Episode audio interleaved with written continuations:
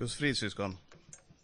Det är eh, väldigt gott att få vara här igen och få dela gemenskapen med er.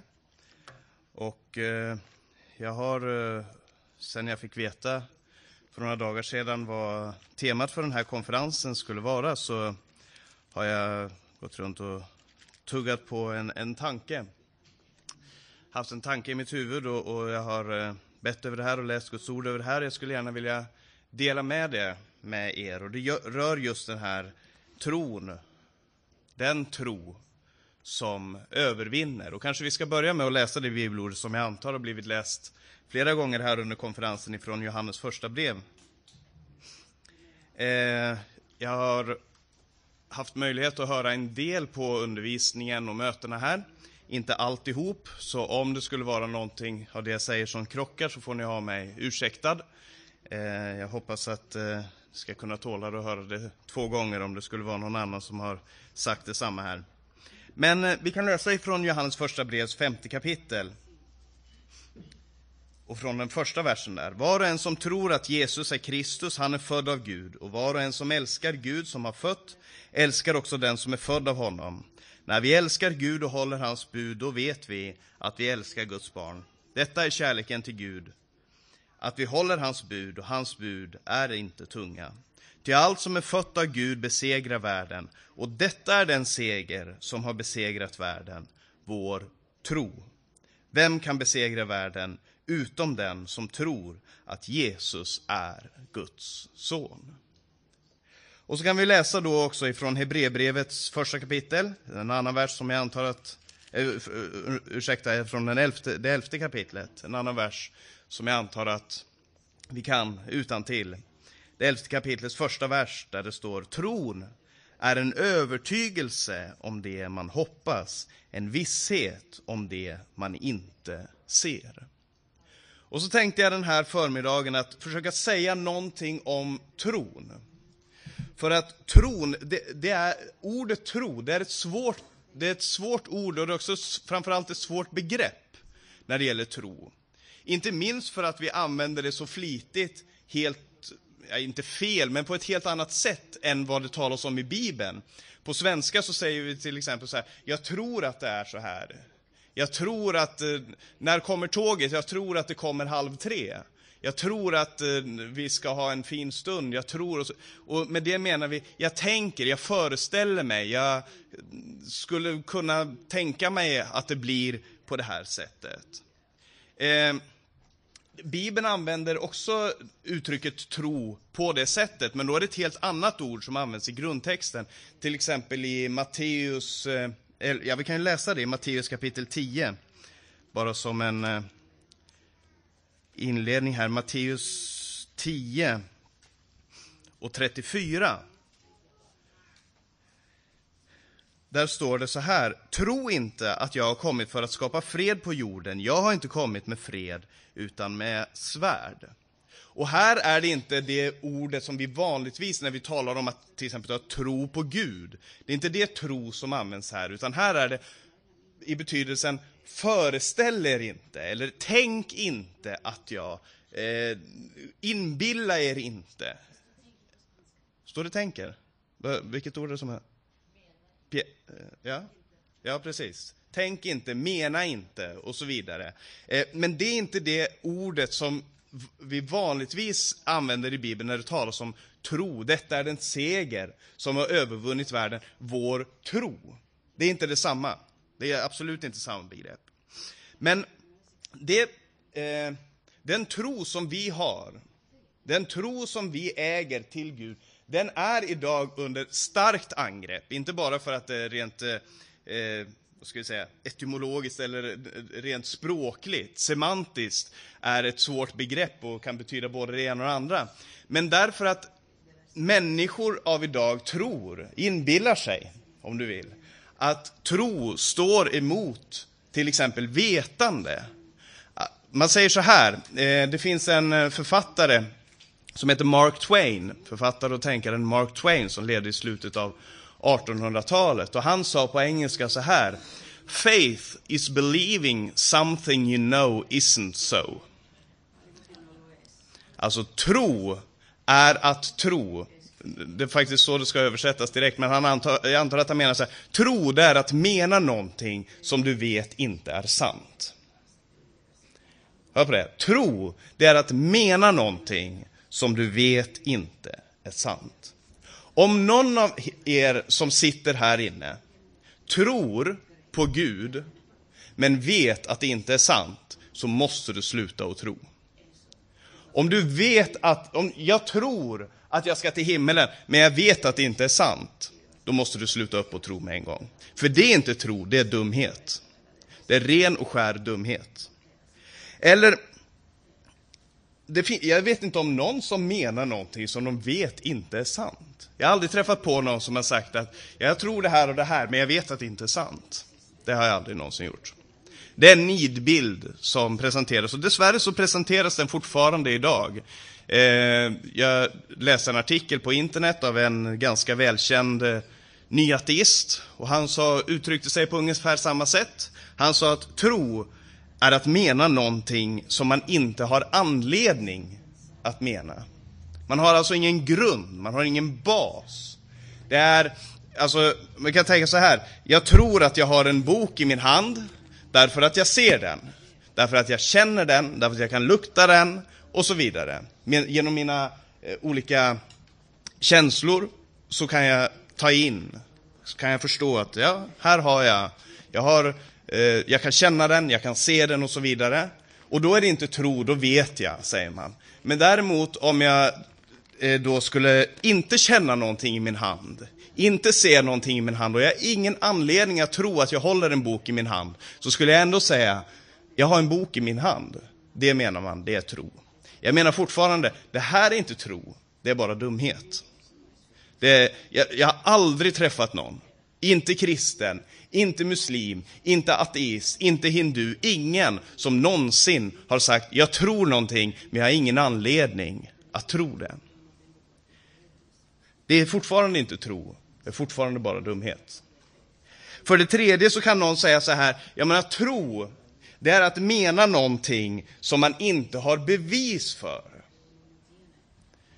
Och då måste vi fråga oss, vad menar vi med bevis? Kan det här uttalandet stämma? Tro, det är att mena någonting som man inte har bevis för. Och då kan någon, till och med kristna, börja tänka att ja, kanske det är så. Vi har inte bevis för det ena eller andra, men vi tror det. Och jag ska försöka säga någonting om det här, för att det finns också, vad ska jag säga, en slags kristen nidbild av tron. Inte bara den här tro där att mena någonting som man inte kan vi, eh, som man inte vet eller som man vet inte är sant, som Mark Twain sa. Men det finns en slags kristen nidbild av vad tron är. Man säger så här, ja men det här det kan man inte förklara, det måste man bara tro. Och det som är fel i det uttalandet, det är egentligen inte, eh, det, det är det här lilla ordet bara. För det finns ingenting som är bara med tron. Det finns ingenting bara. Det här måste man bara tro. Vad menar du med det? Det finns ingenting bara med tron. Tvärtom. Det här, det här kan man inte, snarare skulle man väl kunna säga så här, det här kan man inte förklara, men, det, men däremot så finns en starkare grund. Du kan tro det. Du kan få tro det. För att tron har en stark och fast grund. Det är det som är tanken. Det finns ingenting bara i tron. Men så, fin så, finns det också de här som säger så här, ja men Guds existens kan man inte bevisa, det måste man bara tro. Och jag tror att vi gör ett fel här, ett fundamentalt fel, när vi talar om Guds existens som någonting som man bara måste tro. Som man bara ska tro på. Eh, jag hade en, en eh, när jag bodde i Rinkeby för många år sedan, så var jag en väldigt eh, ivrig liten evangelist. Eh, och mina vänner, de fick höra, de fick veta vad det var vi trodde på. De flesta av dem var ju muslimer. Eh, de fick höra vad det var vi trodde på i familjen Eliasson. Och så, fick, så kom det en ny vän på besök till vår familj. Och jag och Thomas, jag vet inte hur gamla vi var då, men vi frågade, bland det första vi frågade honom var, tror du på Gud? Och då sa han, nej det gör jag inte. tror du inte på Gud? Nej, jag tror inte på Gud, sa han. Han var, han var ju en jätteliten pojke, så han, han, eh, jag vet inte, han kanske var sex år eller någonting. Eh, och, och, vi bestämde oss för att här ska vi, nu måste vi vittna för den här pojken. Jo, men du vet det, sa vi och började berätta för honom. Han nickade och ja, ja. Och Jesus stod på korridoren, ja, ja, ja. Och han, han nickade och, och höll med. Och så sa jag, men håller du med om allt det här? Ja, ja, sa han, det gör han. Ja, men då tror du ju på Gud. Nej, jag tror inte på Gud, sa han. Jag vet på Gud. Jag, jag, jag tror inte på Gud, jag vet på Gud. Och, och så, jaha, nej men jag tror inte att Gud finns, jag vet att Gud finns. Och då, vi blev lite, nej men då, jag blev lite osäker på om det var han som inte förstod mig eller jag som inte förstod honom. Eh, men efterhand har jag förstått att jag tror han hade mer rätt än vad jag har, än vad jag hade. Därför att tro på Gud, det handlar inte om att tro att Gud existerar. Tron på Gud är någonting mycket, mycket större än som så. Tro, jag skulle vilja säga det, jag vet på Gud. Jag vet att Gud finns och jag tror på honom. Det är hemligheten. Och vi ska försöka se på det. För att det finns två frågor här. Hur kan vi veta att Gud finns? Och jag vet inte om jag hinner komma in på den frågan här den här förmiddagen, men i så fall fortsätter vi imorgon förmiddag med det. Eh, för det första, hur kan vi veta att Gud finns? Och för det andra, vad betyder det att tro på Gud? Eller kanske vi ska flytta på de frågeställningarna, för det är den, första, den andra här som jag tänkt att nämna nu. Hur, vad betyder det att tro på Gud? Eh, Bibeln är ju skriven på två språk och vi börjar, jag brukar ofta börja där. Om det är ett begrepp i Bibeln som vi ska beröra så måste vi ta reda på vad säger grundtexten? Vad säger eh, den grekiska och hebreiska texten? För tro tillsammans med nåd är ju Nya testamentets kanske i särklass viktigaste begrepp. Tro, nåd, rättfärdighet, synd och så vidare. Eh, frälsning, det är otroligt viktiga begrepp. Och därför måste vi ta reda på vad, vad är grundordet här? Var kommer det ifrån? Och då finns det dels ett substantiv, alltså en tro, och så finns det ett verb, alltså att tro. Eh, verbet, det heter pisteo. Pisteo heter det på grekiska, och det betyder att att tro, eller att lita på, eller att hålla någonting för sant. Alltså verbet att hålla någonting för sant. Det är tro, pis, pisteo. Det substantivet det heter pistis och det är en tro eller en förtröstan. Det är substantivet. Eller ett försanthållande om du vill. En förtröstan, en tro, ett försant hållande. Det är det grekiska ordet. Det hebreiska ordet det är emon, som vi också har i amen. Väldigt ofta så använder vi uttrycket amen och det betyder sannerligen, eller låt det vara så, eller låt det ske. Emun, jag vet inte om jag uttalade det rätt, jag är överhuvudtaget inte någon, men jag har många fina lexikon. Eh, jag kan inte hebreiska, men jag har en del fina lexikon. Och där står det Emun. det betyder trovärdig, trofast eller sann. Och det är det uttrycket som används i, eh, i eh, Habakuk när han säger, men den rättfärdige ska leva genom sin tro. Eller den rättfärdige av tro skall han leva. Eh, och det är också det som används i, eh, ska se om jag, vi kan ju läsa det i eh, Andra krönikeboken. Andra krönikebokens tjugonde kapitel. Eh, här handlar det om den här striden, Josafats strid, när Herren låter det här angreppet komma bakifrån. En fantastisk Helt fantastisk eh, berättelse. Läs den gärna, inte nu, men när du kommer hem. Eh, Andra krönikeboken 20, och så står det så här, tidigt eh, i den 20 versen. Tidigt följande morgon gick de ut till Tekoas öken, och när de drog ut trädde Josafat fram och sa, Hör mig, ni av Juda och ni Jerusalems invånare. Förtrösta på Herren, emon, alltså tro på Herren, er Gud, så har ni ett säkert fäste. Lita på hans profeter, så skall det gå er väl. Stryk under det här ordet. Förtrösta på Herren, så har ni ett säkert fäste. Det är det det handlar om. Förtrösta på Herren, så har ni ett säkert fäste. Lita på hans profeter, så skall det gå er väl. Och det här är ett genomgående tema genom hela Bibeln. Tro på Gud och på hans ord. När de hörde detta trodde de Jesus och på skrifterna. Tror du skrifterna, o konung Agrippa? Jag vet att du tror, säger Paulus till konungen. Och när han talar till Festus så säger han, jag står anklagad. Varför då? Därför att jag tror på Jesus Kristus och på profeterna. Det var hans budskap. Jag tror. Eh, men tro, även i Bibeln, används på flera olika sätt. Här står det förtrösta på Herren. Men det används också som trofasthet, alltså ordet pistis, som trofasthet. Eh, vi kan se till exempel i Uppenbarelseboken. Uppenbarelsebokens 19 kapitel. Där står det om han som sitter på den vita hästen i den elfte versen, Johannes, 19, vers, eh, Johannes uppenbarelse 19, vers 11.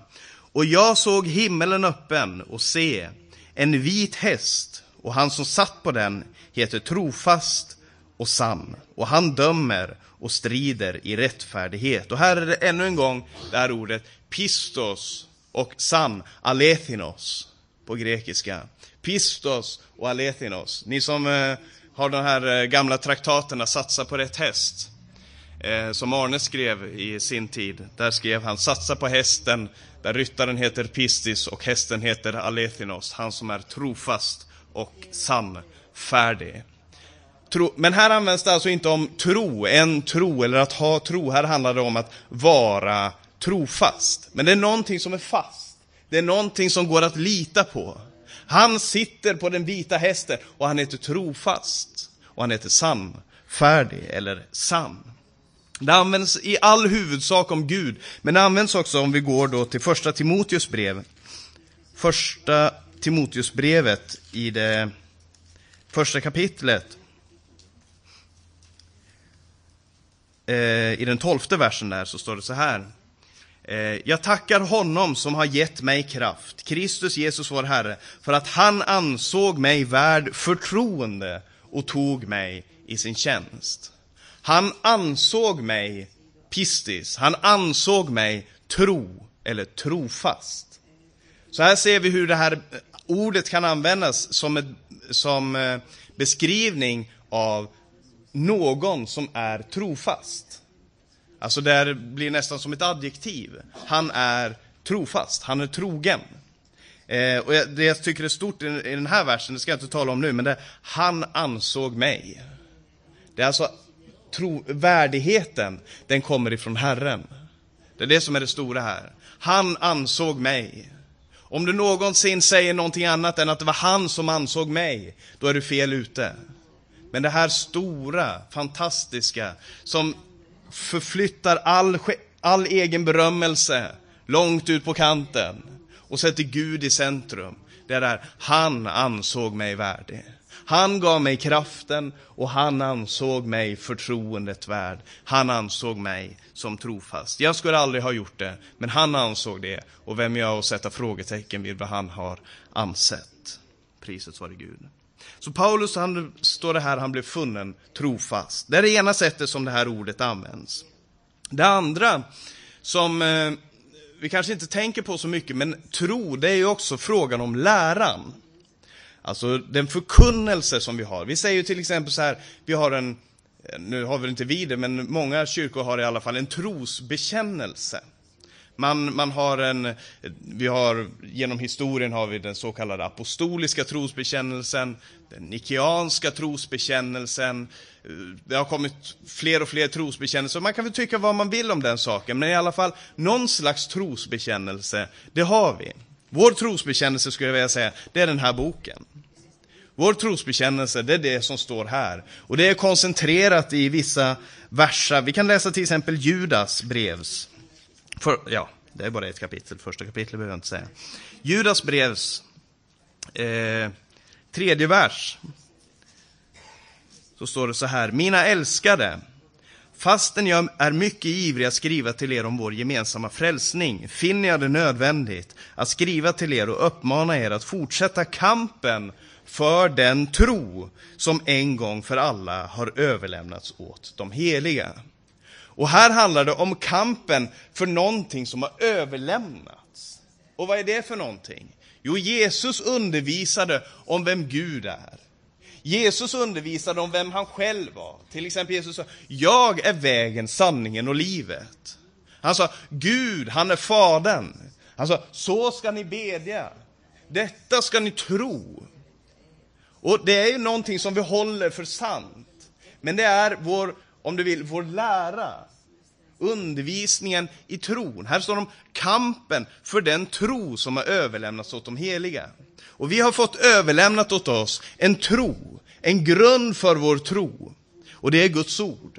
Och, den, och här uppmanar han oss att säga, kämpa för den tron. Det är inte kämpa för trofastheten som vi talade om innan, det blir helt ologiskt. Det är heller inte kämpa för eh, det att lita på Gud, det är inte det det handlar om. Här handlar det om en tro, eller bestämd form, tron, om du vill. Tron som Gud har gett oss. Och det är tron på Jesus Kristus som Guds son. Det är tron att den som tror och blir döpt, han ska bli frälst. Det är tron att Jesus Kristus snart ska komma tillbaka. Vi kan läsa i Titus brev. Eh, I Timoteusbreven och i Titus brev så är det som regel, jag ska inte säga som regel, men ofta när ordet tro används så är det just i den här betydelsen läran, undervisningen, förkunnelsen. Eh, vi kan ju se då i Titus brevs första kapitel och eh, vers 12 och 13. En av deras egna, en profet, har sagt Kreter ljuger alltid, är vilddjur, glupska och lata.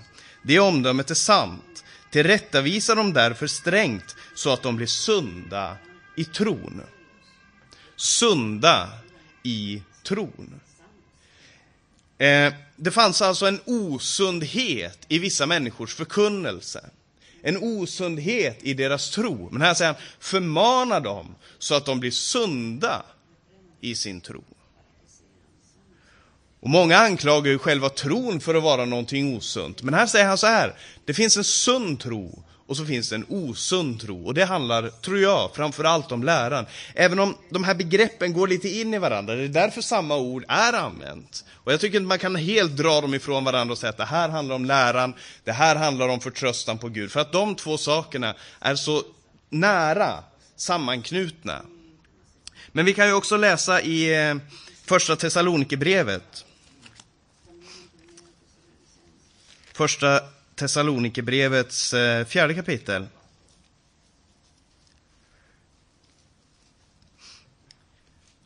Och jag har skrivit i marginalen på, i min bibel så här att det här är församlingens credo, alltså församlingens trosbekännelse. Eh, första Thessalonikerbrevets fjärde kapitel och den fjortonde versen. Eftersom vi tror att Jesus har dött och uppstått, så tror vi också att Gud ska föra fram dem som har insomnat i Jesus tillsammans med honom. Är det sant? Vi tror, för det första, att Jesus Kristus, alltså Jesus, Guds smorde, han har dött för våra synder och han har uppstått för vår rättfärdiggörelses skull. Och på samma sätt, säger han, så tror vi att han ska, Gud ska föra fram dem som har insomnat i Jesus tillsammans med honom. Vi tror på hans tillkommelse. Det här är, om du vill, en väldigt tidig trosbekännelse. Vi tror att Jesus dog, vi tror att han uppstod, vi tror att Gud ska föra eh, de som har insomnat i Jesus tillsammans med honom. Du kan ju också ta andra, eh, Petrus som säger, vi tror vi tror att du är Guds helige. Vi tror och vi vet att du är Guds helige. Vem säger folket att jag är? Några säger det. Men vilka säger ni att jag är? Och Petrus han säger, du är Messias, den levande Gudens son. Det är en bekännelse bättre än något annat.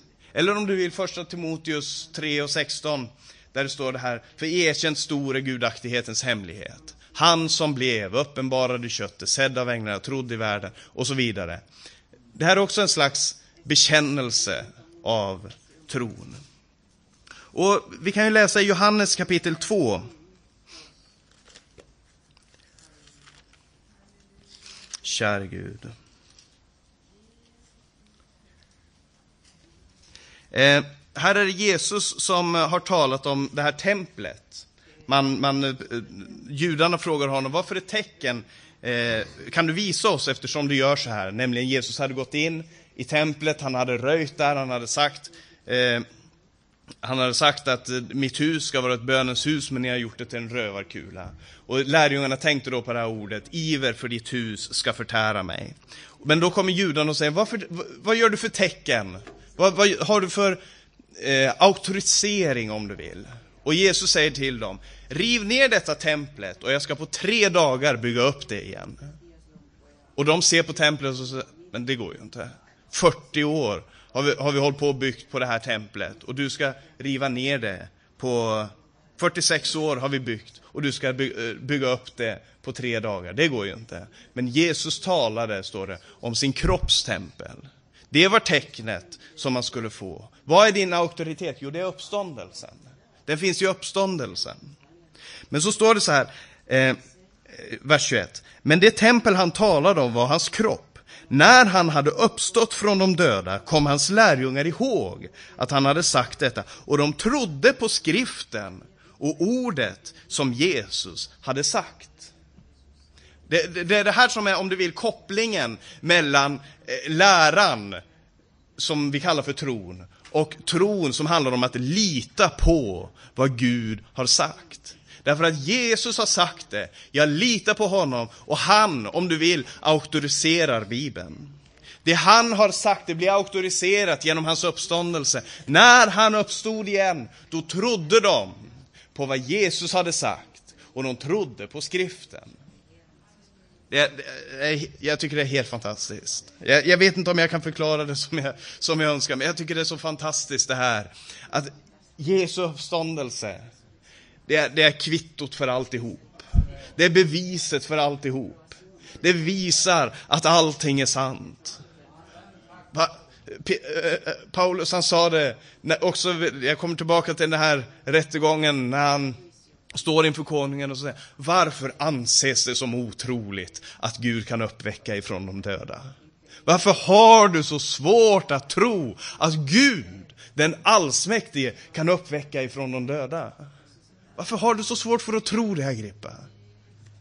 Ja? Festus, du tror ju på skrifterna. Tror du på skrifterna? Jag vet att du tror, säger han. Och kungen blir lite bekymrad och säger att du, du går hårt fram för att göra mig till en kristen. Ja, det får vara som du vill. Jag skulle önska att du var som jag, säger han, bara utan de här bojorna. Det var ett sidospår. Så vi har sett tro som trofasthet, tro som läran. Men det är inte det som är det stora här skulle jag vilja säga, för det är inte det som man brukar eh, angripa med det här när man säger sånt som att tro, det är att mena någonting man, in, man vet inte är sant, eller varianter på det uttalandet. Men eh, vi har ju också tro, som jag har sagt, tro det handlar om förtröstan. För tro, det kan inte stå ensamt. Eh, du kanske har lyssnat på, på de här, eh, i Norge så kallar vi dem för härlighetsteologer, framgångsteologer, som talar om ha tro. De säger gärna så här också, med en lite speciell bibelöversättning, ha Guds tro. Ha, alltså ha den tro som Gud har. Och så säger han, tro, det är att visualisera.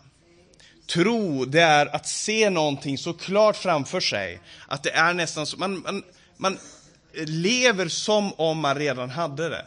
Och så tar man Jesus ord som till exempel det här när Jesus säger, när ni ber om något, så, så ska ni tänka, ni har det redan. Och det är sant, det står det. Att vi ska tänka oss att vi redan har det som vi har bett om. Men så säger man så här, om tron det är som ett batteri som du bara måste koppla in på. Eller det finns ett batteri här ute och tron det är sättet som du kopplar in på det här batteriet. Och då sker ting som du visualiserar. Och Gud är egentligen helt onödvändig i den här ekvationen. Gud är helt onödig i den här eh, härlighetsteologi, framgångsteologi, ekvationen. För att det handlar bara om din förmåga att visualisera. Din förmåga, jag skulle vilja säga, att inbilla dig själv någonting. Har du god nog fantasi så kommer saker, bra saker och ting hända. Lyssna på de här framgångsteologerna och det, det är, jag skulle vilja säga, det är skamligt. Jag får, jag får ta till så starkt jag tycker det är skamligt Därför att tron, den har ett objekt. Tron har ett objekt. Tron kan aldrig stå för sig själv. Tro, tro vad då? Tro, tro på en finare bil, tro på ett stort hus, tro, tro på, på eh, massa pengar. Nej. Tro på Gud. Tro har ett objekt. Tro inte visualisering. Tro har ett objekt. Första Johannes brev. Tredje kapitlet. Johannes första brev är för övrigt en fantastisk undervisning i vad tro är för någonting. Första Johannes brevs tredje kapitel.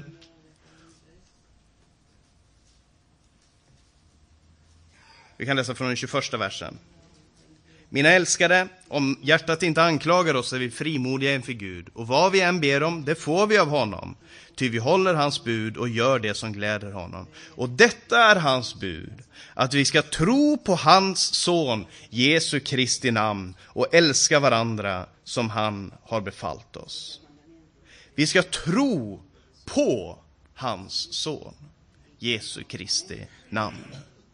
Alltså, det är tron på namnet som är det viktiga här. Tron på personen Jesus. Tron på honom. Det är det som kan förändra. Det är inte tro i sig själv. Du kan tro på vad du vill. Det kommer inte förändra någonting. Jag kan visualisera en BMW hela mitt liv. Det kommer inte hända någonting. Men i det ögonblicket, detta är hans bud, att vi ska tro på hans sons, Jesu Kristi namn och älska varandra. Det kommer att förvandla ditt liv. Inte till en BMW, men till någonting helt annat. Prisas vare Gud. Tro på hans son, Jesu Kristi namn. Tron har ett objekt. Det är det som är det viktiga här. Tron är inte i sig själv någonting stort, men det är tron på honom som är det stora. Priset vare Gud. I Romarbrevets fjärde kapitel ska vi se ett exempel på det här. Romarbrevet 4. Eh, den 19 versen. Det, det, här handlar ju om, om Abraham. Eh, vi kan ju läsa den 13 versen först, så står det, det var inte genom lagen som Abraham och hans efterkommande fick löftet att ärva världen, utan genom den rättfärdighet som kommer av tro. Eh, och så står det så här, 18 versen. Där allt hopp var ute, trodde och hoppades han att han skulle bli fader till många folk som det var sagt, så talrika som dina e- så talrika skall dina efterkommande bli. Han sviktade inte i tron då han tänkte på att hans egen kropp saknade livskraft. Han var då omkring hundra år och att Saras moderliv var dött. Han tvivlade inte i otro på Guds löfte utan blev istället starkare i tron och gav Gud äran. Han var övertygad om att vad Gud hade lovat, det var han också mäktig att hålla. Och det här är kärnan det här är tro. Jag skulle vilja säga det, vill du veta vad tro är? Det är det här. Han var övertygad om att vad Gud hade lovat, det var han också mäktig att hålla. Det är tro. Övertygelsen om att Guds löften är han också mäktig att hålla. Du läser hans löften och så sätter du tro till dem för, för att du bär på en övertygelse om att det Gud har lovat, det är han mäktig att hålla. Är det ologiskt? Överhuvudtaget inte. Finns det någonting märkligt i att tro att Gud som har skapat världen också skulle kunna hålla ett löfte? Alls inte. Det är mer ologiskt att inte tro på en sådan Gud. Priset vare Gud. Han var övertygad, han tvivlade inte i otro, därför att han hade ett annat perspektiv. Det är det som är skillnaden här. För att människor såg på Abraham och sa, men du är en gammal man. Och din fru är en gammal man. Och här går du och tror att du ska få ett barn. Det är omöjligt. Det är helt omöjligt. Det, det, vet, det vet vi av erfarenhet, det vet vi om, av medicinsk kunskap, vi vet, det är helt omöjligt. Och Abraham säger, men du, jag har någonting som trumfar det omöjliga. Jag har någonting som, mot hopp så hoppades han, står det i vissa översättningar. Mot hopp så hoppades han i alla fall. Alltså, jag har någonting som trumfar det omöjliga. För vet du vad Gud säger? Han säger att för människor är det omöjligt, men för Gud är allting möjligt. Att lita på det enkla ordet, det är att tro. Och det trumfar det omöjliga. Det är därför det verkar så omöjligt, så ologiskt för människor när de ser människor som tror av hela sitt hjärta. Men det finns ingenting mer logiskt. Det finns ingenting mer kredibelt än att tro på den Gud som har skapat universum. Till och med Sara, det står ju i, Hebreerbrevets elfte kapitel. Eh, där nämns ju om Abraham, men det nämns också om Sara. Jag tycker det är stort. Vi, vi har en lite svag översättning här. Eh, jag ska försöka förklara det här. Vi läser den elfte versen. Eh, Hebreerbrevet 11, vers 11. Genom tron fick också Sara kraft att bli mor för en avkomma, fast hon var överårig. Hon litade på honom som hade gett löftet. Och det finns två saker här som kan vara viktigt att lägga märke till. Eh, här står det, genom tron fick också Sara. Här låter det som att Sara och så tillsammans, alltså Abraham har det ju talats om innan här. Och så räknar de upp och så kommer de till också Sara. Men det här ordet också, det, på grekiska så handlar det om Sara, hon, Sara, den Sara. Ni vet vilken Sara jag talar om. Alltså, den Sara, och underförstått, den Sara som stod bakom tältduken och skrattade när hon hörde. Hon sa, men det är omöjligt. Den Sara är det jag talar om. Hon som för ett ögonblick, när hon hörde hur de här tre männen utanför tältet talade med Abraham och sa, när jag kommer tillbaka nästa år, då ska du ha en son i famnen. Och hon började skratta och sa, nej, nej, nej. Och så säger, och så säger brevbrevets författare, den Sara är det jag talar om här. Hon som inte trodde, hon som inte litade på, hon som inte kunde föreställa sig att det kunde vara sant. Den Sara är det jag talar om. Hon fick kraft. Och varför då?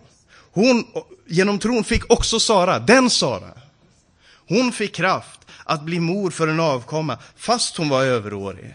Hon litade, här står det litade. Och eh, jag beklagar att det blir så mycket att prata om grundtexten här. Men det ordet litade, det handlar om att bedöma, att analysera fakta.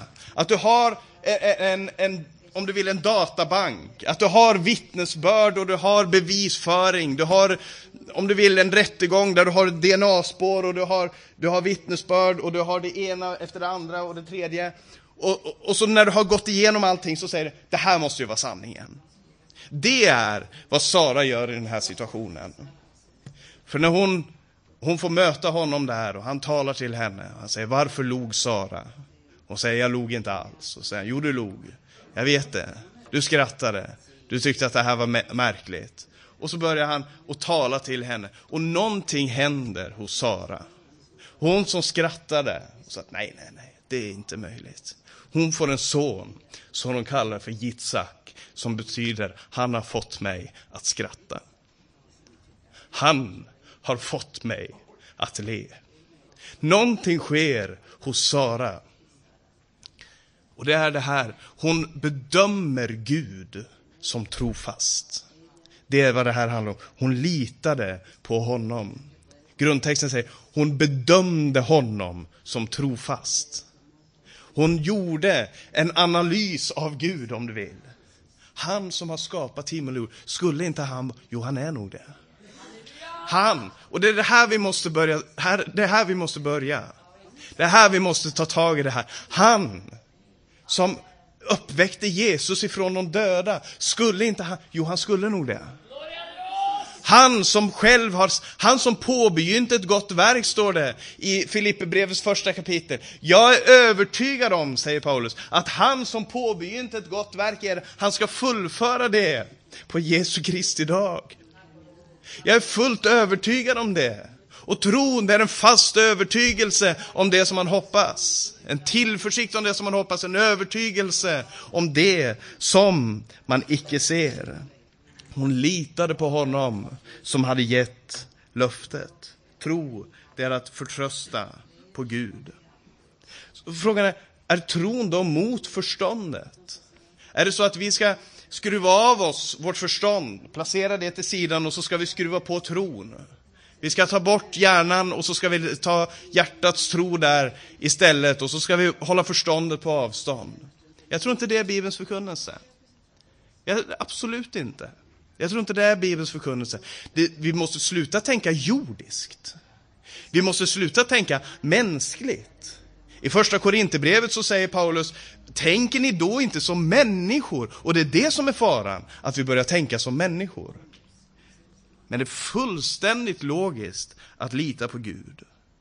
De säger så här, tron, det är att mena någonting man, inte vet, man vet inte är sant. Jag säger så här, tro, det är att lita på att det Gud har sagt är sant. Det är tro. Att lita på att det Gud har sagt är sant.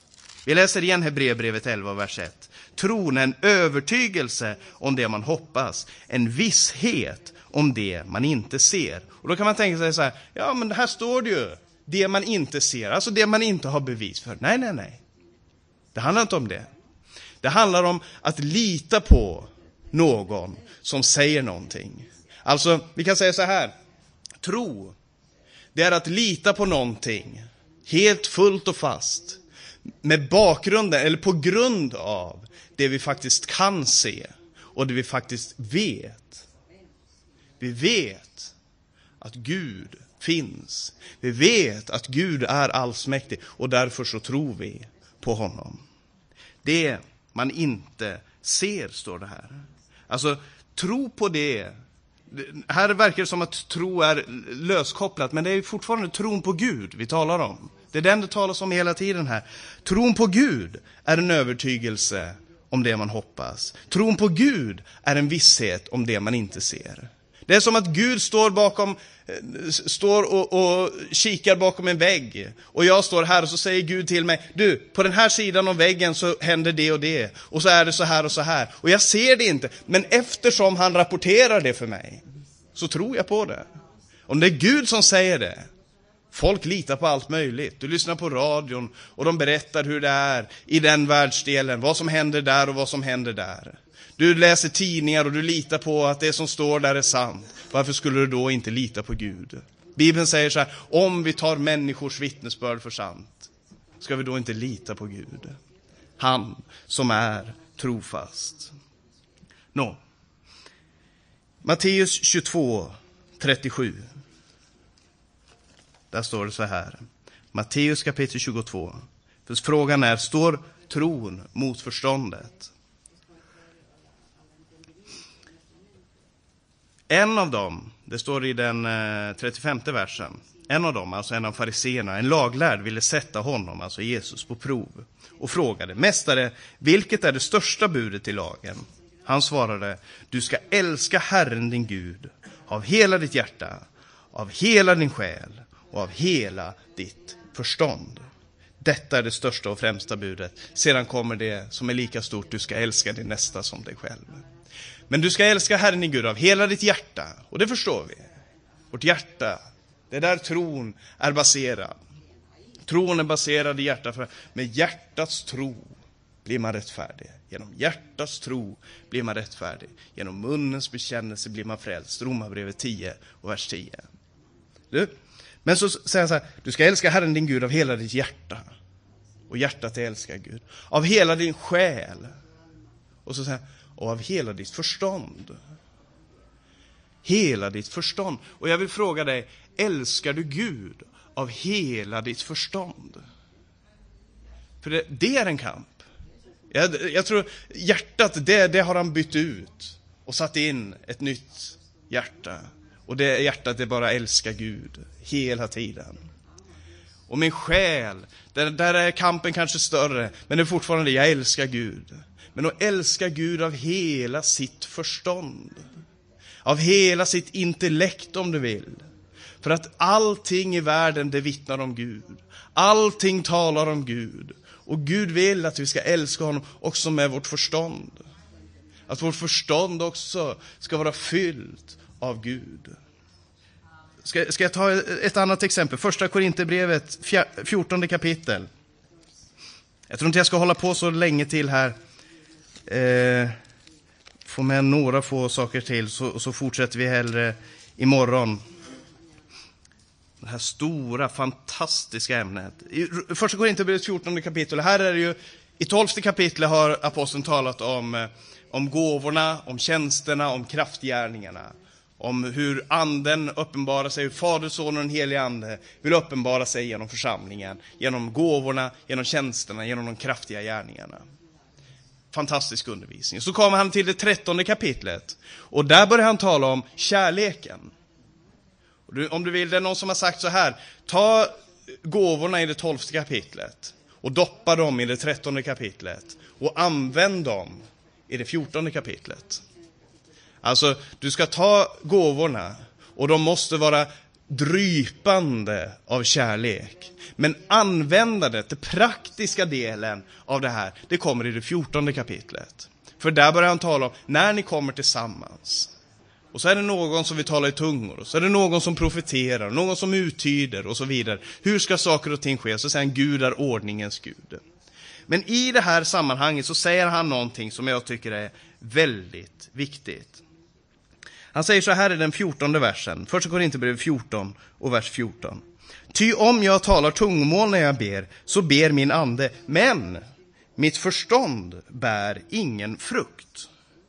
Och som jag förstår det så menar han att det är ju någonting negativt. Det är inte någonting negativt att be i anden, men han säger, vi kan i alla fall konstatera, när jag talar i tungor, jag vet inte vad jag talar om.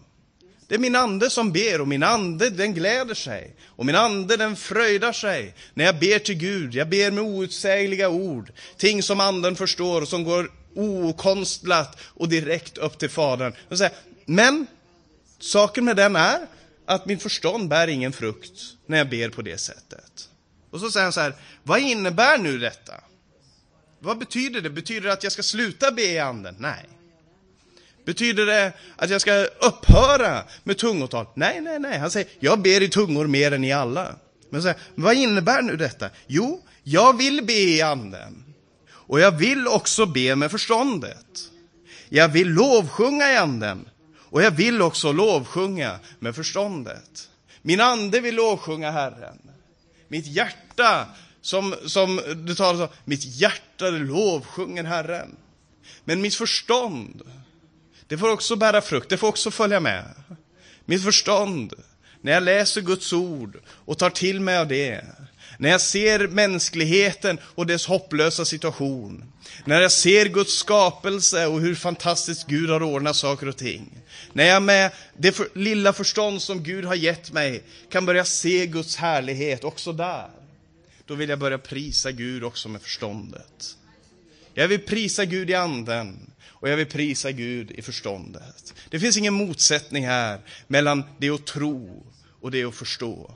Genom, tvärtom, han säger till och med så här, genom tron så förstår vi.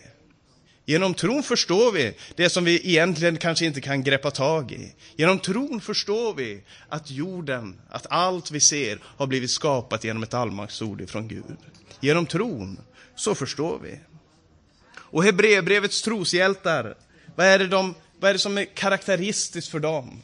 Vad är det det står om Abraham? Han såg. Han såg. Han längtade efter staden med de fasta grundvalarna. Vi går tillbaka till det avslutningsvis här. Hebreerbrevet 11.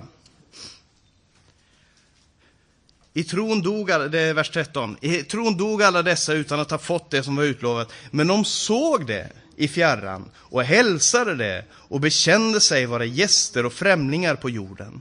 De som talar så visar därmed att de söker ett hemland. Om de hade menat det land som de hade gått ut ifrån hade de tillfälle att vända tillbaka dit. Men nu längtade de till ett bättre land. Det himmelska, därför blygs inte Gud för att kallas deras Gud, till han har ställt i ordning en stad åt dem. Han, här står det, de såg, de hälsade, de bekände. Vers 14, de söker. Vers 16, de längtade. Det här är eh, eh, den som har blivit fylld av Gud, den som är uppfylld av hans härlighet. Den ser och den längtar längre bort än någon människa kan se. Den ser mer än någon människa kan se och längtar efter mer än vad någon människa någonsin har hört talas om. Men det är det här med en blick på det tillkommande. Till exempel eh, vers 20. Här står det så här, i tron gav Isak sin välsignelse åt Jakob och Esau för kommande tider. I den norska 1930-årsöversättelsen så står det, eh, om jag kommer ihåg det rätt, med blick på det som skulle komma. Eller med öje för det som skulle komma. Med syn. Alltså, han ser någonting som ska komma genom tron. Trons öga, det ser längre. Sadrak, Mesak och Abednego i ugnen. Det de, det de har framför sig är en brinnande ugn, men de ser bortom ugnen. Och så säger de så här, kanske kommer Gud rädda oss ifrån den här ugnen. Och kanske inte. Det vet vi inte. Men det vi vet är att vi kommer inte böja knä. Det vet vi. Det finns en trotsighet i tron, därför att den ser längre bort. Den har kunskap som sträcker sig längre. Därför att Gud har lovat, och han ska också hålla. Gud har lovat och han kommer att hålla. Det är därför dessa, dessa trons människor, de är så irriterande. De är så omskakande, de är så Ja, det, det, är nästan omöjligt att hantera dem, för att de, de, de ser, de, de har blicken fäst så långt borta. De ser så långt borta. Att människor av idag, de säger, men det handlar ju om att få sig en trygghet här på jorden. Och, så, och trons människa säger nej, det gör det inte. Ja, men det handlar ju om att vara lycklig. Och trons människa säger nej, det gör det inte. Ja, men det handlar ju om att, om att få sig familj, om att ha trygghet, om att ha, få villa, Volvo och vovve. Det handlar om att, och, och, och den här. Och trons människa säger nej, det gör det inte. Det gör inte det. Genom tron så trampade de på lejon. Genom tron besegrade de herrar. Men det står också, genom tron, se här, genom tron besegrade de kungariken, skipade rätt, jag läser vers 33 fick löften uppfyllda, täppte till lejonskap, släckte rasande eld och undkom svärdsägg. De var svaga men blev starka, de blev väldiga i strid och drev främmande herrar på flykten. Kvinnor fick tillbaka sina döda genom uppståndelse. Och om du stannar där så verkar det som att, ja men tron, det är ju en fantastisk metod att ha det bra här på jorden. Det är en fantastisk metod för att få det fint här på jorden. Och ibland så är det seger. Ibland så är du, så är du väldigt i strid och driver främmande herrar på flykten. Ibland så får kvinnor tillbaka sina döda eh, genom uppståndelse. Men om, du hade, om han hade stannat där så hade det verkat som att, ja, utilitaristiskt, alltså rent, eh, vi kan ha behov för tron. Det kan vara bra för oss här på jorden. Men så följer det någonting här. Andra torterades. De vägrade att låta sig befrias för att få en bättre uppståndelse. Andra utstod hån och gisselslag, även bojor och fängelse. De blev stenade, söndersågade eller dödade med svärd. De gick omkring i fårskinn och gethudar, led brist och blev plågade och misshandlade. Världen förtjänade icke att hysa dem. De irrade omkring i öknar och på berg, i grottor och hålor. Och fast alla dessa hade fått vittnesbördet att, eh, att de trodde, fick de inte det som var utlovat, ty Gud hade för, har förutbestämt något bättre åt oss. Först tillsammans med oss ska de nå målet. Och det här, det här är trosmänniskor. De är inte ologiska överhuvudtaget. Det finns ingenting som är mer förståndsmässigt än att lita på Gud som har gett löftet. Så eh, hör aldrig på någon som säger, ja men det där, det där är någonting du bara tror. Det finns inget bara i tron. Det finns inget bara, jag säger det igen, det finns inget bara i tron. Tron, det är en fast förvissning. Tron, det är en övertygelse om det man inte ser. Och det, folk litar på allt möjligt. Vi litar på Gud. Folk, de litar på hästar och vagnar. Vi prisar Herren, vår Guds namn. Priset vare Gud. Tron är det fastaste du någonsin kan vara med om. Och vi ska se imorgon på hur vi får den här tron, hur man kommunicerar den här tron. Och vi ska också se på det här som jag sa, jag inte kommer in på, hur vi kan veta att Gud finns. För det är ju trots allt grunden för tron. Veta att Gud är den allsmäktige. Hur kan vi veta det? Men du, låt oss till sist här göra som det står i det tolfte kapitlet. Låt oss ha blicken fäst vid Jesus, trons upphovsman och fullkomnare. Han är den som har gett en grund för tron. När då? När han stod upp igen ifrån de döda. För det står, när, de, när han hade uppstått så trodde de skrifterna och de trodde Jesu ord. Det är där tron börjar vid uppståndelsen, uppståndelsens morgon. Vad är det Johannes säger? Vad är det står om Johannes? Han kommer springande ner till graven och han ser in i graven och så står det, och eh, Petrus sprang, kom först dit, Johannes kommer efter och, det och han såg in och han trodde. Han såg den tomma platsen och han trodde. Prisat vare Gud. Vi ska tala om det imorgon. Han som såg den tomma platsen och han trodde att det var sant det som Jesus hade sagt. Men du, Tro det här. Det finns en norsk sång som säger Och tro det är att tage sin frälser tryckt i hånd. Och tro det är att tage sin frälser tryckt i hånd.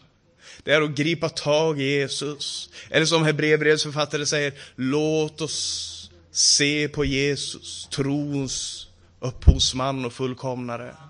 Som för den glädje som låg framför honom utstod korsets lidanden och nu sitter på, på eh, högra sidan om Guds tron. Priset vare Gud. Låt oss lägga bort allt som snärjer oss, löpa framåt på den vädjebana som är oss förelagd och, säga, och fäst blicken på Jesus. Varför då? Därför att han fick också utstå sådan gensägelse ifrån syndare. För annars kommer ni bli modlösa, tappa modet. Tänk på honom, se på honom. Fäst tron vid Jesus Kristus och du kommer aldrig någonsin på skam. Då kan du gå med Gud, som vi sjöng här i sången, genom allt. Genom allt. Jag har en lite annan, jag blev lite osäker på den där sången för att vi har en lite annan text på den. Den är svensk men eh, lite annorlunda text, lite lättare att sjunga tror jag. Men du, genom allt. Jag tackar Gud, säger han, för bergen. Det är det här, när det var seger, när de trampade på ormar och skorpioner. Men jag tackar Gud också för alla dalar. Jag tackar Gud för alla stormar i mitt liv. För om jag ej fått se problemen, jag ej fått se hur Gud kan ta dem och jag ej förstått vad tron på Gud förmår. Det är Guds tanke.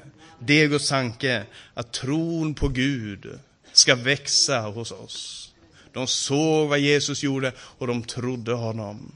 Och när vi har fått se vad Gud kan göra, då kan vi tro på honom. Priset vare Gud. Himmelske Fader, vi tackar dig, vi lovar dig, vi ärar dig. Tack för din väldiga kraft. Tack Herre för denna trons väldiga kraft Herre. Att vi får taga vår frälsare tryggt i hand och du ska leda oss framåt. Jag lovar och prisar och tackar dig. Tack Herre för trons fasta grund som består och som har detta sigill, som har detta insegel, halleluja, att du känner de dina. Och den som vill tro på dig, Herre, den som vill följa dig, ska vända sig bort ifrån ondskan. Herre, jag lovar och tackar dig. Tack himmelske Fader för att du känner oss. Tack Herre för att du är trofast, du är trovärdig och sann, Herre.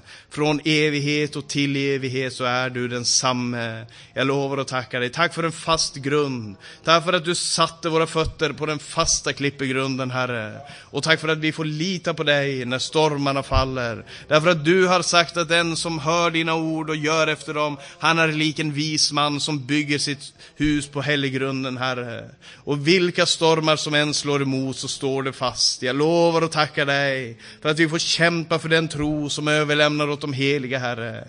För att vi får kämpa för det. Vi får lita på dig och lita på ditt ord. Förtrösta på dig helt och fullt. Jag lovar och prisar och tackar dig i Jesu Kristi Nazarens namn. Amen, amen, amen, amen. Vill du prisa Jesus så gör det här i Jesu namn. Halleluja, halleluja. Löftena